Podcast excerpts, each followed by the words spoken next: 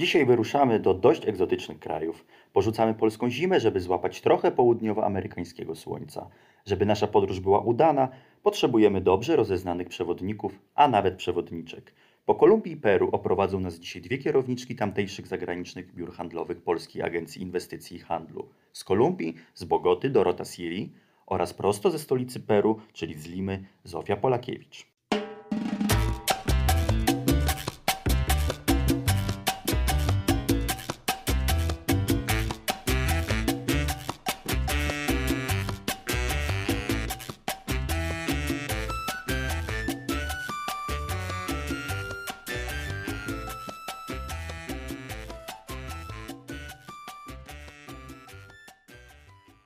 Zacznijmy od Kolumbii, kraju, który może nie kojarzy nam się najlepiej, a wszystko za sprawą znanego serialu Netflixa o Pablo Escobarze. Doroto, czy Kolumbia, jaką znamy z tego serialu, jest prawdziwa? Czy jest się czego bać? A może należy to wszystko włożyć między bajki?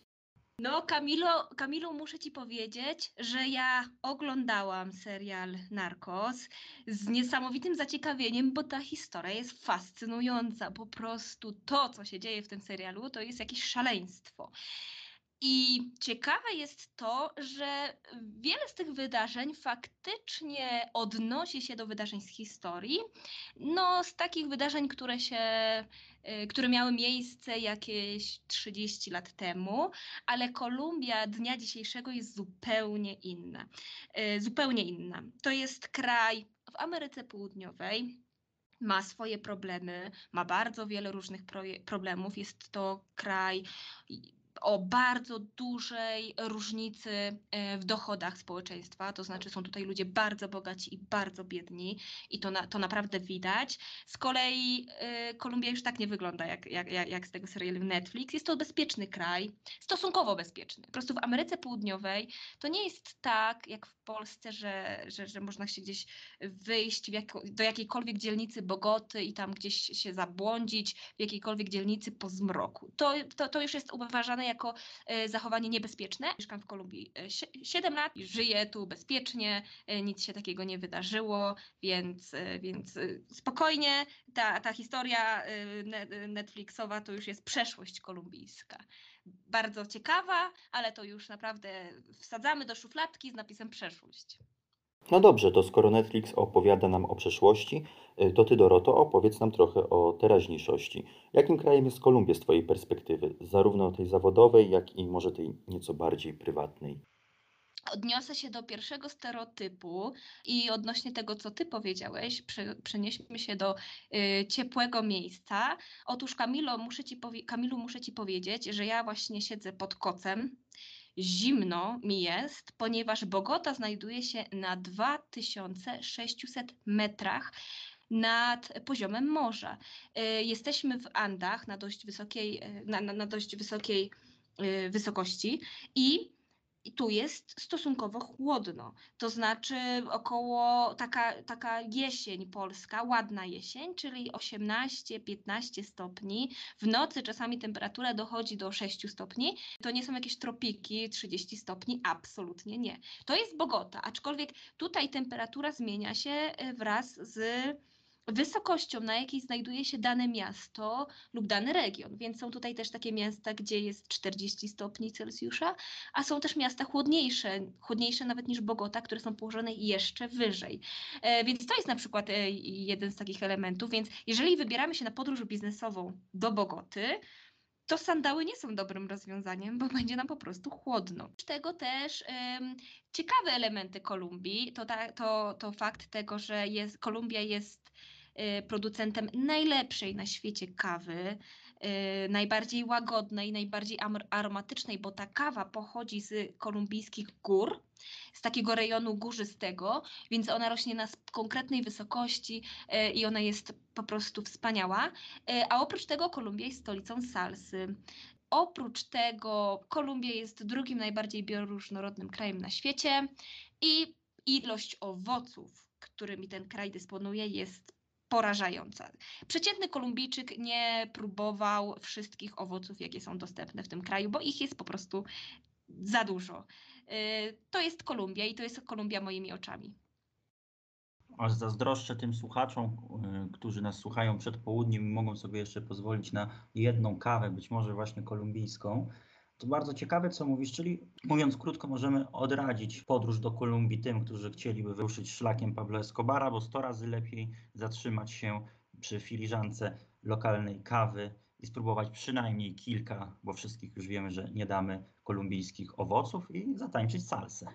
Jak najbardziej. Teraz sprawdźmy, czy równie chłodno jak w Bogocie jest również w Limie. Dzień dobry, Zofio. Dzień dobry. E, Jak u Ciebie pogoda? Teraz muszę zadać to pytanie, skoro e, Dorota nas poinformowała e, tutaj bardzo konkretnie o warunkach atmosferycznych w Bogocie, to zapytam, czy w Limie jest ciepło.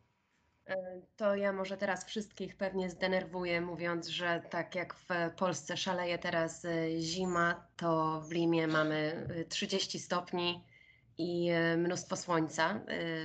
To wynika akurat z odwrotności pór roku, więc kiedy w Polsce było lato, tutaj było całkiem, e, całkiem chłodno, no i przede wszystkim szaro. E, W Limie jest bardzo mało e, słońca e, w ciągu roku i lato jest dość krótkie. E, Więc jak na razie można, można cieszyć się e, tym, że jest, e, no i e, czekać na zimę. Nie wiem, czy ktoś jeszcze czeka na zimę, zwłaszcza, e, zwłaszcza teraz. E, Zofio, jeżeli chodzi o Peru, to myślę, że tym różni się od Kolumbii, że Kolumbię jednak większość z nas potrafi gdzieś tam na mapie osadzić. Może, pomy- może się oczywiście nie, nie być to osadzenie dokładne, tutaj mogą pojawić jakieś małe pomyłki, e, ale Peru dla Polaków jest o wiele bardziej e, nieznane. Jakbyś mogła tak krótko przedstawić ten kraj? E, Peru na pewno ma m, może trochę lepszy PR, lepszą reputację niż, niż Kolumbia, pomimo, pomimo równie prężnej e, tutaj produkcji kokainy i, i e, problemów z przeszłości z organizacjami terrorystycznymi, jak e, na przykład Lśniący Szlak. Peru postawiło na e, gastronomię i turystykę. E, Więc oczywiście no, e, myślę, że wszyscy e, znają e, Machu Picchu, tutaj e, e, zabytek e, naj, najczęściej odwiedzany e, na świecie, z tego, z tego, co, z tego co wiem. E, I w ostatnich latach e, Peru postanowiło e, wypromować e, swoją kuchnię, która oczywiście jest e, no, niesamowicie pyszna i korzysta z lokalnych składników. Peru ma dostęp do e, wybrzeża Pacyfiku e, więc e, kuchnia jest zdominowana przez e, ryby i owoce morza. Pomimo dostępu do Pacyfiku, Peru w 60% jest e, dżunglą amazońską. E, Bardzo ciekawy i zróżnicowany e, region. Tak jak już Dorota wspomniała o Kolumbii i o różnorodności, bioróżnorodności, Peru również również posiada różnego rodzaju strefy biologiczne i rośliny tam, tam rosnące, więc e, też pozwala e, to na, na hodowlę unikatowych produktów e, wysokiej e, jakości. No i oczywiście Peru to Andy. E, W dużej, e, w dużej mierze Pe- e, Peru też składa się z terenów górzystych e, Kordyliery Andyjskiej.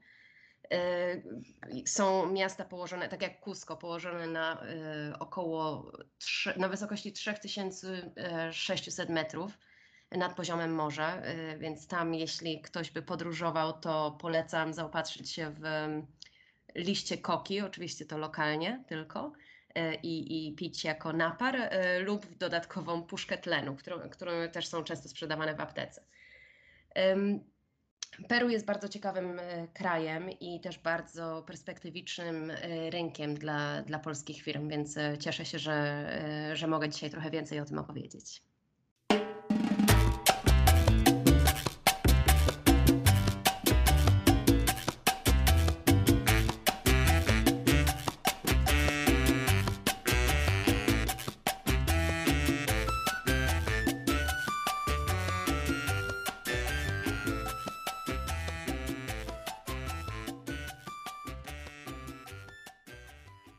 Obie już powiedziałyście, że, że wasze kraje są bardzo różnorodne biologicznie.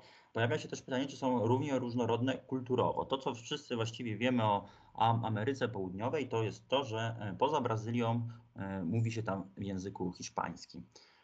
Ale muszę Was zapytać, czy ten hiszpański jest na pewno takim tym samym hiszpańskim, co u nas na kontynencie europejskim, e, co w Kolumbii i co w Peru? Kolumbii y, możesz y, zdefiniować, skąd dana osoba pochodzi, po tym, w jaki sposób mówi.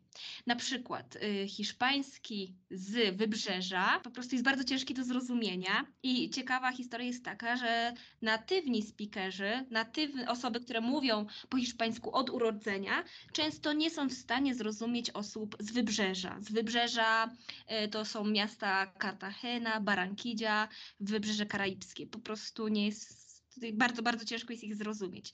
Z drugiej strony też osoby z Medellin, czyli z Antiochii, rozmawiają y, też z bardzo specyficzną melodią. Tak więc, y, no to jest ciekawe, każdy, każdy region ma swój dialekt. W Kolumbii, y, Kolumbia jest bardzo podzielona, ponieważ e, to jest kraj podzielany, podzielony górami wzdłuż i wszerz, wobec czego Kolumbijczyk, on często powie, ba, po, przyzna się do tego, że on jest z e, Medellin, czy on jest z Kartageny, czy on jest z Wybrzeża. On nie powie, ja jestem Kolumbijczykiem, tylko ja jestem mieszkańcem tego regionu czy tego miasta. Oni bardziej czują większą tożsamość e, z e, mieszkania w danym regionie niż e, z racji mieszkania w Kolumbii. Tak więc to jest e, ciekawy element i bardzo często e, pytając Kolumbijczyka skąd jesteś, on od, odpowie ja jestem z tego departamentu. W ogóle nie wspomni, że jest z Kolumbii. E, tak więc tak to wygląda. A ja jestem z Departamentu PR-u i Komunikacji. Zosiu, czy y, w Peru też jest takie zróżnicowanie językowe, czy jednak ten hiszpański wystarczy, żeby bez większego problemu porozumieć się z każdym? Tutaj zróżnicowanie językowe jest dość, e, dość małe, oczywiście istnieje, ale Peru też jest mniejszym e, krajem niż Kolumbia. E, I hiszpański też nie jest pierwszym językiem na przykład populacji rdzennych. Jest to język quechua, który jest najpopularniejszym językiem e, rdzennej populacji Peru. E, I istnieje też e, wiele, wiele innych języków używanych przez rdzennych e, Peruwiańczyków e, z, właśnie z regionu e, andyjskiego czy z dżungli. E, No ale oczywiście wszyscy mówią po, po hiszpańsku, jako że jest to, jest to jedna- jednak język e, narodowy. Oczywiście m, są różnice pomiędzy hiszpańskim e, z Hiszpanii i hiszpańskim tutaj. Pewne słowa są, różnią się między sobą, akcent jest inny. Ale, ale myślę, że jeśli ktoś mówi po, po hiszpańsku i, i nauczył się hiszpańskiego, tego tradycyjnego z Hiszpanii, nie będzie miał tutaj żadnych problemów. I, tu mogę też wspomnieć, że jakiekolwiek polskie firmy, które e, myślą na poważnie o ekspansji do Peru czy eksporcie do Peru, bardzo mile widziane jest, e, mile widziana jest komunikacja po, po hiszpańsku. Poziom angielskiego jest tu dość niski. Oczywiście są osoby, które mówią po angielsku, ale też chęć do komunikacji biznesowej po angielsku jest dość niska. E, I, I często e, maile czy telefony po angielsku są mm, po prostu ignorowane, więc e, na pewno jest to priorytet. Jak już jesteśmy przy mailach, czy w Waszych krajach, szukając potencjalnego partnera biznesowego, jest sens do niego wysyłać maile? Myślę, że tak. y, Można y, wysyłać maile do potencjalnych partnerów biznesowych, jak najbardziej, e, bo wiele firm jest dość otwartych na współpracę. Jeżeli portfo- portfolio firmy polskiej jest interesujące, to ona y, jak najbardziej może takiego maila przeczytać i może się też umówić na, na rozmowę, w szczególności w tych czasach takich właśnie 2020 rok, pandemia, możemy się umawiać na rozmowy wirtualne, nie ma problemu. Jeżeli myślimy o długofalowej relacji, o większych zamówieniach, o, o priorytetowym też e, traktowaniu nas, czyli firmy polskiej, to e, warto jest odwiedzić ten kraj. To znaczy tutaj też ten element e, takiej znajomości jest bardzo ważny, bu- zbudowanie zaufania. To nie jest kraj o kulturze transakcyjnej, tylko o kulturze relacyjnej. Czyli po prostu musimy się zapoznać y, z naszym kontrahentem. Aczkolwiek y, wysyłanie maili to jest y, trudne i trzeba się troszeczkę przebić, ale to też działa. To też działa w, przypadku wielu firm, takich, które są też otwarte na, na, na, na handel i na biznes. Tak więc jak najbardziej tak, aczkolwiek wizyta jest rekomendowana też, jeżeli chodzi o długofalowe relacje z kontrahentem. No to teraz na chwilkę wyobraźmy sobie, że pandemia koronawirusa już jest za nami i że istnieje taka możliwość, żeby polski przedsiębiorca przyjechał na spotkanie z partnerem biznesowym do Kolumbii albo do, zaraz do Peru. I teraz jakbyście miały udzielić mu kilku, że tak powiem, dobrych rad, czyli jak nie popełnić jakiegoś kulturowego faux pas, jak wyglądają wszystkie te elementy, które gdzieś tam w w języku naszego zawodu nazywają się kulturą biznesu. No to może ja już będę kontynuować ten wątek kolumbijski, skoro zaczęłam od, od maila. Wyobraźmy sobie, że firma nam odpowiedziała i, i rozmawiamy, nawet już y, rozpoczęliśmy eksport na przykład do Kolumbii. No i się spotykamy na przykład na wydarzeniu targowym z danym kontrahentem. Ym, tak więc na pewno takie osoby trzeba traktować y, po prostu z dużą dozą przyjaźni. Kolumbijczycy chcą się zaprzyjaźnić. E, zapytają na przykład o naszą rodzinę, e, a jak nasza rodzina, czy mamy dzieci, czy mamy żonę. Mogą zadawać dość takie osobiste pytania, ale to jest w celu nawiązania relacji. To jest taki, taki przełamywacz lodu. To nie jest pytanie z zakresu nieodpowiedniego, czy zbyt personal, zbyt osobistego. To jest po prostu normalne tutaj w Kolumbii. E, tak więc e, na pewno będą chcieli e, wyjść z nami na obiad, przedstawić swoją firmę i tak dalej. No tak jak już wspominałam, nie afiszujmy się z tą znajomością Pablo Escobara na pierwszym, na, na, na, na, w pierwszym zdaniu, bo to będzie po prostu źle odebrane. To będzie odebrane jako, jako rzecz dość niekulturalna i może taka zbyt obcesowa. Ale Kolumbijczycy też uwielbiają, jeżeli my wyrazimy zainteresowanie Kolumbią, po prostu. Jeżeli e, na przykład wylądowaliśmy w Bogocie i uznaliśmy, że to jest ładne miasto, czy, czy, czy coś tam nam się podoba, czy jakieś danie nam smakowało, warto jest się tym podzielić, bo to będzie bardzo dobrze odebrane, e, że smakowało nam na przykład jakieś, e, e, jakieś tradycyjne śniadanie kolumbijskie, czy uważamy, że, że Bogota ma piękne góry, to będzie bardzo dobrze e, odebrane. No i dalej już e, rozmowy biznesowe bardzo normalnie. Można przywieźć jakiś upominek z Polski, absolutnie nie o żadnej wartości, coś raczej symbolicznego, nie, y, coś, coś takiego nie, nieduża rzecz, y, jak najbardziej y, to też będzie mile widziane. No i dalej już prowadzimy rozmowy biznesowe. Jeżeli się za, zaprzyjaźnimy w jakiś sposób, czy nawiążemy relacje, dalej jest o wiele łatwiej, bo po prostu ten kontrahent już nam ufa. Y, Już zbudowaliśmy zaufanie i wtedy nie ma problemu, którego z Kolumbijczykiem nie można by y, po prostu y, przezwyciężyć.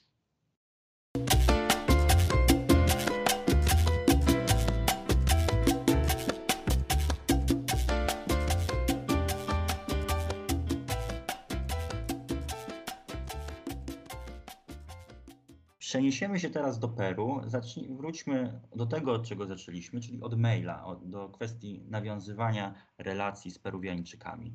Jak to, e, Zofio, wygląda e, u Ciebie? Mm, W Peru sprawa wygląda inaczej niż e, w Kolumbii. Peru jednak jest krajem dość, dość zamkniętym. E, Pomimo wielu e, umów handlowych i, i e, gospodarczej otwartości na handel międzynarodowy, to społeczeństwo nadal jest dość hermetyczne i dość zamknięte. I to zawsze powtarzam, że wiele, w sumie wszystkie branże w Peru są trudne do do spenetrowania, więc maile po hiszpańsku, po angielsku to już nie ma znaczenia, często są ignorowane. Miałam też ostatnio sytuację, że firma e, wysyłała e, co, co tydzień maila do, mm, do, do e, dystrybutora bez odpowiedzi żadnej. E, No i po, po paru miesiącach dopiero otrzymała e, odpowiedź. Więc no może nie jest to całkowicie bezcelowe, ale, ale zdecydowanie, tak jak wspomniała Dorota, tutaj muszę temu wtórować, że Peru bardzo, w Peru bardzo ważne są e, relacje. E, Więc wiele, wiele transakcji jest prowadzonych właśnie na zasadzie e, znajomości, czyli ktoś ma jakiś kontakt do dystrybutora, do, do sieci supermarketów i zna osobiście osobę decyzyjną, no i tak to, tak to toczy się dalej. Więc przebicie się bez jakichkolwiek znajomości, relacji, kontaktów jest dość trudne. E, bo tak jak wspomniałam, e, społeczeństwo jest dość e, zamknięte i, i z mojego doświadczenia nie, nie widziałam aż tak silnych chęci do, do rozszerzenia horyzontów, jeśli chodzi o, o relacje biznesowe. Czyli tutaj zdecydowanie kontakt jakby osobisty, rozumiem, jest bardziej zalecany, jest bardziej efektywny i efektowny. Jeżeli już do niego dojdzie, to jakieś takie złote rady dla polskiego przedsiębiorcy, na co uważać, a czym z kolei można się Peruwiańczykowi przypodobać. Moja rada numer e, jeden to zdecydowanie należy e, uzbroić się w cierpliwość. E, Nawiązywanie takich relacji długofalowych, a nawet, nawet krótkofalowych, trwa tu dość długo, jako że Peruwiańczycy są dość nie, nieufni. E, Więc, e, więc trwa to dość długo i no, wa ważny jest e, kontakt osobisty, więc tak jak wspominała też Dorota, zaproszenie na obiad, kolację, rozmowa o rodzinie, tutaj pochlebstwa oczywiście, to, to, to jest tu mile widziane, zwłaszcza na temat futbolu, mimo że w Peru futbol no, może nie mają się aż tak czym pochwalić. O, oczywiście też e, e, narodowa gastronomia jako, jako główny, główny temat też, e, też będzie to mile widziane. I rada numer dwa to, to zdecydowanie jest bardzo ważne, że asertywność peruwiańskich firm, osób, dystrybutorów jest na dość niskim poziomie i wiele polskich firm e, może się e, na tym przejechać, że tak powiem, e, ponieważ e, załóżmy, że mamy telefon, spotkanie, e, czy parę spotkań nawet i wszystko, wszystko wskazuje na to, że, e, że, że potencjalny partner jest zainteresowany, e, prawi komplementy na temat oferty, e, zadaje pytania, prosi o cennik i tak dalej, i tak dalej, a potem, em, a potem po prostu przestaje się odzywać. I tutaj bardzo ciężko jest ludziom powiedzieć nie. Więc e, preferowana jest właśnie em, afirmacja, że wszystko jest wspaniałe i tak, e, oczywiście jesteśmy zainteresowani, a potem e, bezkonfrontacyjne jakby usunięcie się z równania. E, Więc tutaj bym e, też radziła e, polskim firmom, żeby miały na uwadze, że poziom asertywności w biznesie tutaj jest dość niski. Pojawiła się w naszej rozmowie kwestia piłki nożnej. To jest akurat też będzie dobre wprowadzenie do tego, o czym zaraz porozmawiamy, ale szybkie pytanie, jeżeli to jest tak ważny element kultury narodowej, to jaki klub piłkarski należy znać przylatując do Kolumbii albo do Peru? E, To, to teraz e, e, piłka nożna w Peru e, i, jest, to jest teraz dość drażliwy temat, ponieważ pierwsza drużyna Alianza Lima spadła w, w listopadzie do drugiej ligi, więc teraz na, nastroje kibiców nie są, nie są na wysokim poziomie. E, Więc to, ale Alianza Lima to, to główny klub, no ale niestety teraz, e, teraz e, nie, nie mają dobrej pasy. Z tego, co słyszę, Zofio, to u Was w Peru jest coraz więcej takich tematów drażliwych, bo tutaj się okazuje, że piłka, piłka nożna nie jest do końca już bezpieczna, ale również macie ma- małe zawirowania polityczne ostatnio. Nie tylko e, Alias Lima e, spadł do drugiej ligi, ale też kilku prezydentów, można powiedzieć, brzydko spadło do drugiej ligi.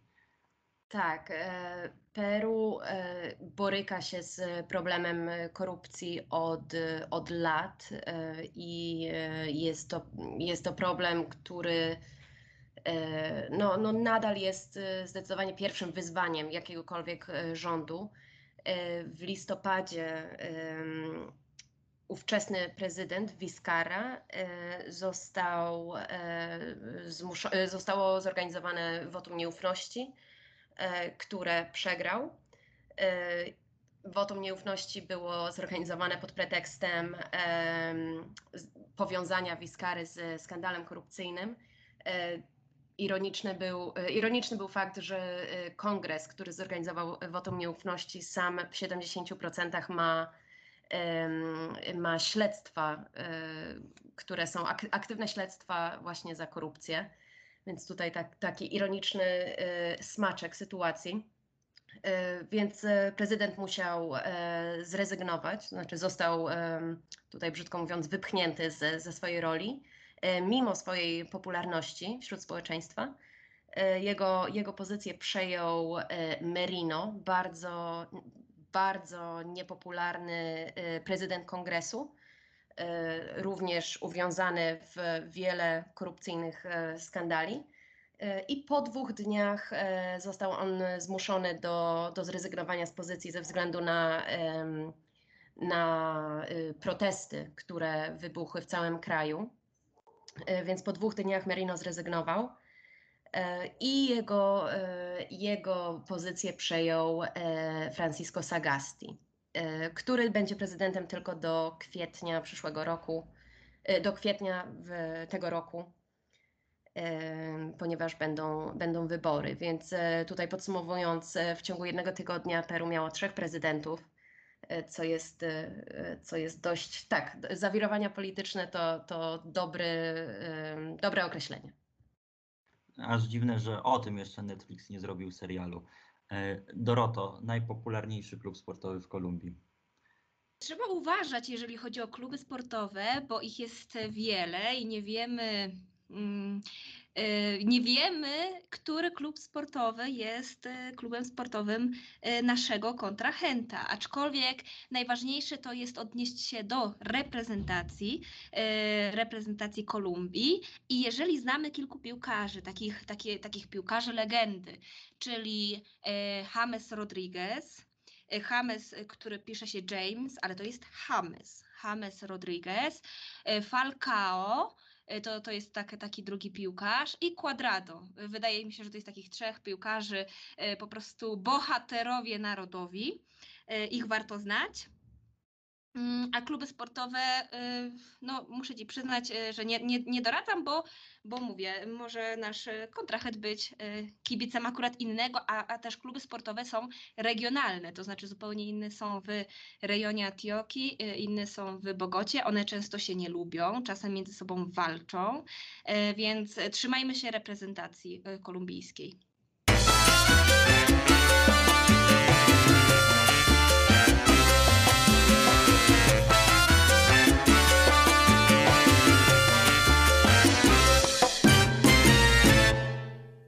Jeden element, z którym e, Ameryka Południowa się ciągle kojarzy, aczkolwiek ostatnio chyba już coraz mniej, ale e, jednak nie da się mówić o Ameryce Południowej, nie wspominając e, o kulcie macho. Czy jest on prawdziwy, Doroto? W mojej ocenie w Kolumbii y, nie. To znaczy, ta kultura macho może występuje, ona może występować, e, trudno powiedzieć, trudno powiedzieć, pewnie gdzieś w domach tak głęboko ukryta. Y, No, wskaźniki przemocy wobec kobiet są w Kolumbii y, wyższe niż w Polsce na pewno i to jest też problem, który należy rozwiązać, ale w biznesie absolutnie nie. Kobiety są na bardzo wysokich stanowiskach. y, Wiceprezydentką y, w Kolumbii jest kobieta. y, Kobiety są reprezentantami bardzo ważnych instytucji i one funkcjonują w biznesie i świetnie sobie radzą. A, a, a na, na dodatek Kolumbia też jest bardzo, mimo iż to jest kraj religijny, obywatele Kolumbii są otwarci światopoglądowo, sto- stosunkowo. E, burmistrzem czy prezydentką Bogoty, stolicy Kolumbii, jest kobieta, która jest na dodatek lesbijką, e, bardzo otwartą, e, wszyscy o tym wiedzieli i ona została niedawno, rok temu wybrana na prezydenta Bogoty. Więc e, ku- kultura macho może i funkcjonuje, ale e, znam tutaj e, firmy polskie, przyjeżdżają tutaj kobiety, świetnie sobie radzą w prowadzeniu biznesu w Kolumbii. To nie jest żaden problem w Kolumbii, w mojej ocenie. I właściwie to samo pytanie, Zosiu, do ciebie, ale może lekko zmodyfikowano taki element znowu eksperymentu z wyobraźnią. Przyjeżdża szefowa dużej polskiej firmy do Peru, chce e, rozpocząć eksport do tego kraju. Czy będzie traktowana poważnie przez e, swoich peruwiańskich partnerów? Em, chciałabym powiedzieć, że tak, e, ale, ale wiem, że tutaj ta kultura macho jednak em, przekłada się na, na biznes. E, I e, często zdarza się tak, że, e, że kobieta w pokoju jest ignorowana, niestety. Więc jest to, jest to pewien problem. Nie jest to coś, nie jest to obecne do tego stopnia, że byłoby prawdziwą barierą w, w ekspansji do, do Peru, czy eksporcie do Peru. E, Ale problem oczywiście istnieje. Peru też e, ma dość spory problem z przemocą wobec kobiet, więc ta kultura macho też, e, tak jak Dorota wspomniała, istnieje e, w domach. E, Ale tutaj, e, tutaj niestety również przekłada się na, na biznes. No dobrze, a masz może troszeczkę z własnego doświadczenia jakieś takie rady, sugestie, e, jak sobie z takim macho poradzić, kiedy zaczyna za bardzo pokazywać swoje muskuły? Myślę, że, że trzeba po prostu robić e, swoje i, i nie za bardzo, e, nie za bardzo się, się tym przejmować, bo często e, to jest takie typowe zachowanie takiego pawia. Więc e, moim zdaniem trzeba to po prostu zignorować i, i brnąć, się- brnąć dalej i po prostu pokazać swoją obecność e, na, na spotkaniu czy w pokoju i zaznaczyć, że no przepraszam bardzo, ja tu podejmuję decyzję, więc e, tak, taka byłaby moja rada. No czasami trzeba e, pokazać e, pazurki. A powiedz, bo Dorota wspominała o otwartości wśród e, Kolumbijczyków, podała tutaj przy, przykład prezydentki e, Bogoty. E, Jak to wygląda w, w Peru? Czy jest to też taka społeczność po- analogicznie do Kolumbii otwarta, czy raczej pod względami światopoglądowymi też mamy do czynienia z e, zamkniętym społeczeństwem? Po, jeśli chodzi o sprawy światopoglądowe, Peru jest bardziej zamknięte niż, niż Kolumbia na pewno. E, Jest wiele problemów e, związanych z homofobią e, i ksenofobią. I jest to, no, no jest to pewna no, charakterystyka społeczeństwa. Nie, nie jestem przekonana, z czego to wynika, ale, ale te problemy są. No, jest to środowisko bardzo y, konserwatywne. Oczywiście nie, tutaj y, nie chciałabym generalizować. Y, Oczywiście nie jest to y, zasada, że tak jest zawsze i każda osoba y, z Peru, z którą rozmawiamy, ma takie poglądy, ale, ale zdecydowanie jest wiele, wiele incydentów na, na takich tłach. No plus jeszcze wieczna wojna z Chilijczykami o produkcję pisco. Y, Wydaje mi się, że mamy już taki dosyć szeroki obraz tego, jak wyglądają wasze kraje, czyli Kolumbia i Peru. Y, I chciałbym zapytać, jak w waszych krajach postrzegana jest Polska? Czy w ogóle jest postrzegana? Tutaj Dorota trochę wspominała o Robercie Lewandowskim, wspomniała też o y, Janie Pawle II. Czy ta wiedza o Polsce w Kolumbii sprowadza się do tych dwóch postaci, do tych dwóch mężczyzn, e, czy jednak e, Kolumbijczycy wiedzą o nas coś więcej i mają jakieś z nami skojarzenia, dobre lub złe? Można spotkać Kolumbijczyka, który wie całkiem sporo o Polsce. Wielu Kolumbijczyków też wyjeżdżało do Polski. Rozumiem, że y, w przeszłości była jakaś wymiana akademicka między Kolumbią a Polską, więc y, czasami Kolumbijczycy nie wiedzą nic albo no, świta im Lewandowski, a czasami znają Wałęsę, i inne osoby ze świata politycznego i wiedzą całkiem sporo o Polsce, zazwyczaj mają takie informacje sprzed no, 30 lat, ale coś tam wiedzą. Yy, Polska generalnie w Kolumbii ma yy, raczej dobre, dobrą opinię, to znaczy jak tylko e, Kolumbijczycy dowiedzą się, jakby, jak, jeżeli my, my im powiemy, że Polska jest w Unii Europejskiej i w Europie, to od razu mają wyobrażenie o Polsce takie same jak o e, Niemczech czy o Francji. E, Dlatego jeżeli mówimy e, z perspektywy eksportu produktów z Polski do Kolumbii, to e, musimy od razu zaznaczyć, że spokojnie, spokojnie, niekoniecznie ceny e, polskich produktów będą takie jak ceny produktów e, z Francji czy z e, Niemiec. Polskie produkty mogą być odrobinę tańsze, bo Kolumbijczyk od razu zakłada, że właśnie te ceny polskie będą cenami e, w 100% europejskimi, czyli wysokimi. Nie ma tutaj, e, nie mamy takiego stereotypu, jak to e, czasem bywa, że polskie produkty są e, jakiej, jakiejś gorszej jakości. Absolutnie ten stereotyp nie funkcjonuje, o to w ogóle nie musimy się martwić i nie musimy się tego obawiać. W Peru jest podobnie. Polska jest, y, jest dość znana. Oczywiście y, Lewandowski, papież i wódka to, to przewodnie motywy. Y, Jest, jest znajomość, jest stopień znajomości Polski. Często, często jest tak, że ludzie z pewnej branży, tutaj na przykład górniczej, wiedzą o Polsce, bo branża górnicza w Peru i w, w Polsce bardzo dobrze się uzupełniają, więc jest y, mm, tutaj znajomość Polski pod tym względem, że Polska produkuje bardzo dobre maszyny górnicze i technologię górniczą. Y, To samo mogę powiedzieć o maszynach rolniczych. Więc em, myślę, że, y, że często ludzie znają y, takie, y, wiedzą o takich konkretach. y, poza, poza oczywiście klasycznymi motywami, z którymi Polska jest y, kojarzona za granicą.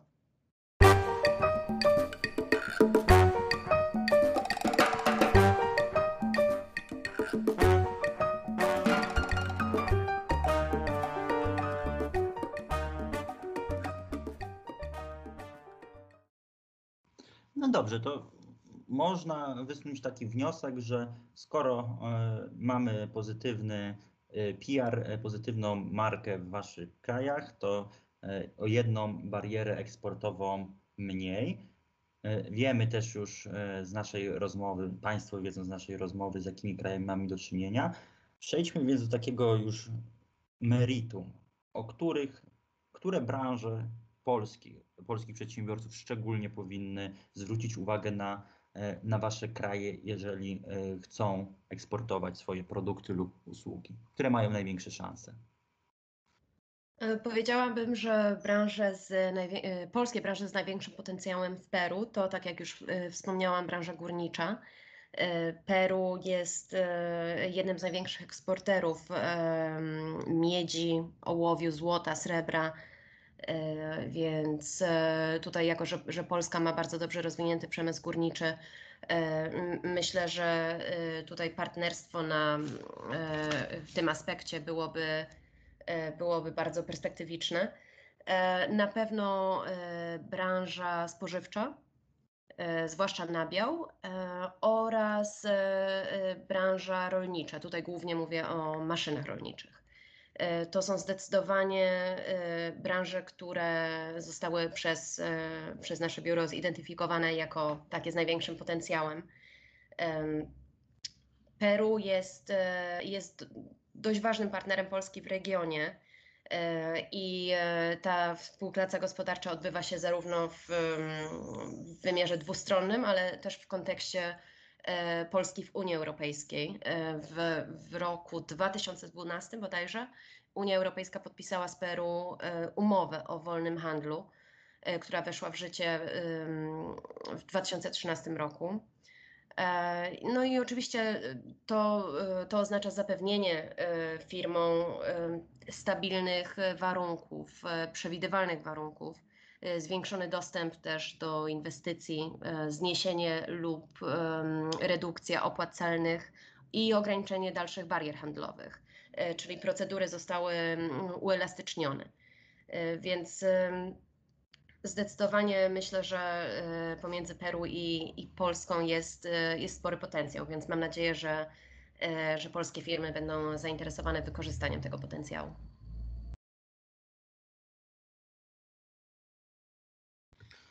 Zwłaszcza, że w kontekście tego, co mówiłaś wcześniej, e, Dorota zresztą też o e, bioróżnorodności e, w waszym, e, wa, waszym regionie, e, ten szeroko rozumiany sektor spożywczy wydaje się być chyba e, szczególnie, e, szczególnie potrzebny i szczególnie aktywny u was.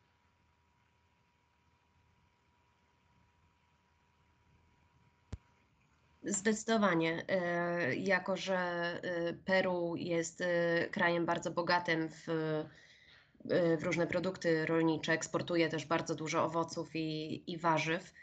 E, Myślę, że polski sektor przetwórczy oraz polskie branże produkujące towary konsumpcyjne e, czy produkty przetworzone Myślę, że e, jest tu spory potencjał. Peru importuje bardzo dużo takich towarów, e, ponieważ wytworzenie ich byłoby e, dla nich e, zbyt kosztowne.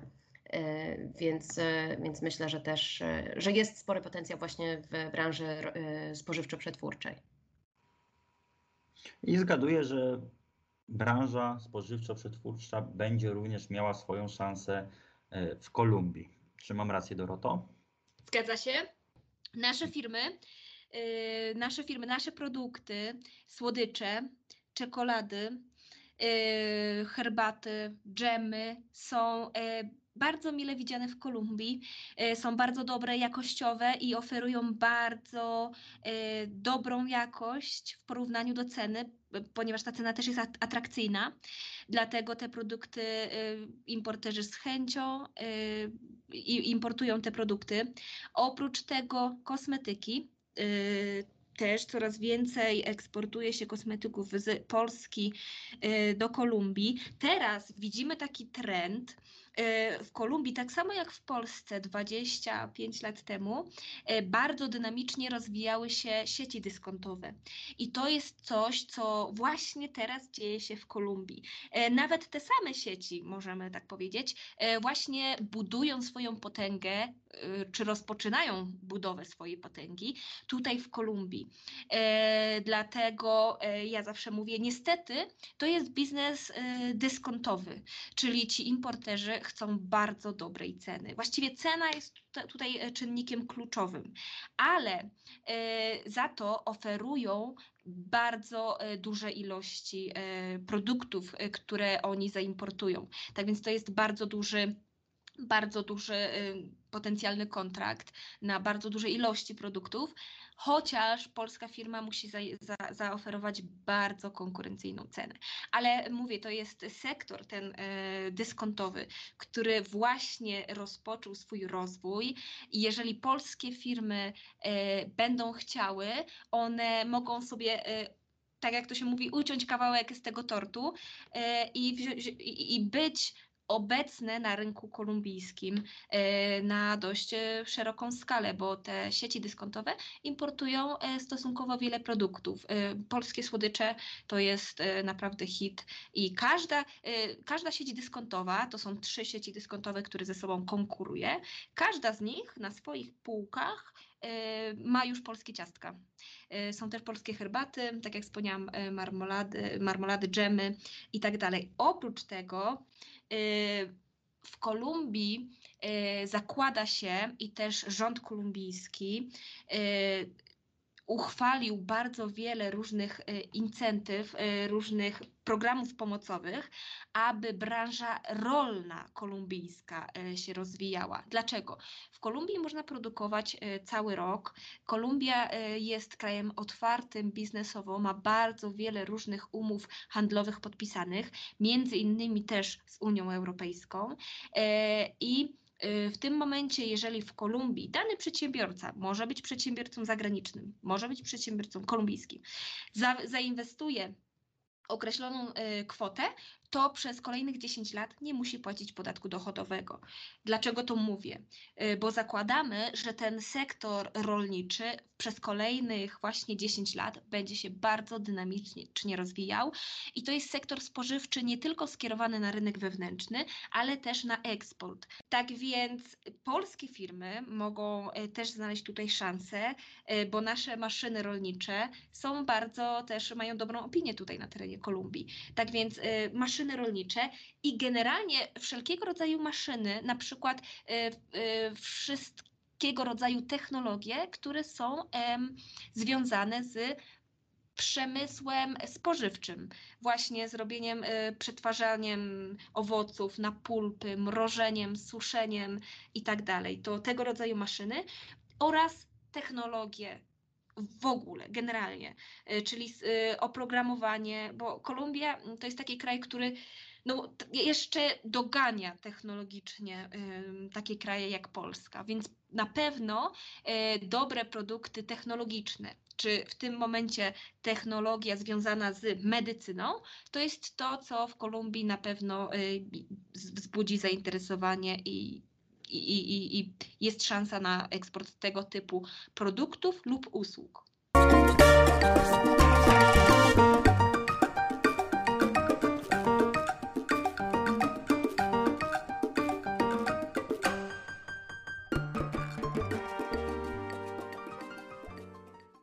I w ten sposób doszliśmy już prawie do końca naszego spotkania.